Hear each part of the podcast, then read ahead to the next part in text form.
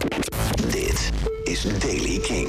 Vandaag is er af en toe zon. Er kan hier en daar ook een buitje vallen. De temperatuur ligt zo'n uh, rond de 20 graden. En dat is aan de koele kant voor begin juli. En vooral langs de kust staat er ook een stevige westenwind. Nieuws over Pearl Jam en Muse. Dit is de Daily King van maandag 3 juli. Michiel Veenstra. Pearl Jam werkt aan een nieuw album. Maar volgens bassist Jeff Ament is er nog veel werk aan de winkel... voordat het ook echt voelt als een volwaardige plaat.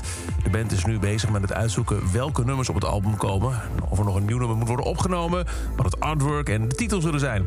Hoewel gitarist van de band Stone Gossard eerder aangaf dat ze het album binnenkort al hoopte af te ronden, is Ament daar iets minder zeker over. De band neemt nu de zomer vrij en gaat in september weer verder. Ament hoopt dat ze het album volgend jaar kunnen uitbrengen, wat zou betekenen dat er misschien ook dan weer iets van tours komen. Over tours gesproken, afgelopen weekend Down Rabbit Hole... maar ook Rock Werchter met een verrassende set van Muse. Helemaal aan het einde wilde de band tot twee keer toe Knights of Sidonia inzetten... en toen leek er iets fout te gaan.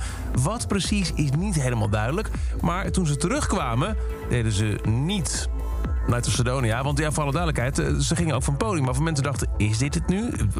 Wordt de stekker eruit getrokken? Want het was inmiddels ook al na enen, dus na curfew voor het festival. Nee, ze kwamen terug en speelden voor het eerst in acht jaar de klassieker Showbiz. Waarbij Matthew Bellamy wel met zijn gitaar een versterker helemaal aan gort ramde. Of die versterker te maken heeft met de technische problemen... of dat hij gewoon pist was dat het niet lukte om af te sluiten met Night of Sidonia...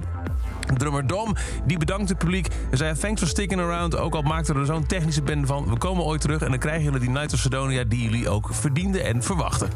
Tot zover deze editie van The Daily Kink. Elke dag een paar minuten bij met het laatste muzieknieuws en nieuwe releases. Niks missen? Dan kun je je in de Kink-app abonneren op deze podcast. Dat is makkelijk. Dan krijg je elke ochtend bij het verschijnen van een nieuwe aflevering keurige melding op je telefoon. En voor meer nieuwe muziek en muzieknieuws luister je s'avonds van 7 uur naar Kink in Touch.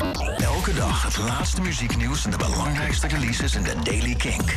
Check hem op kink.nl of vraag om Daily Kink aan je smart speaker.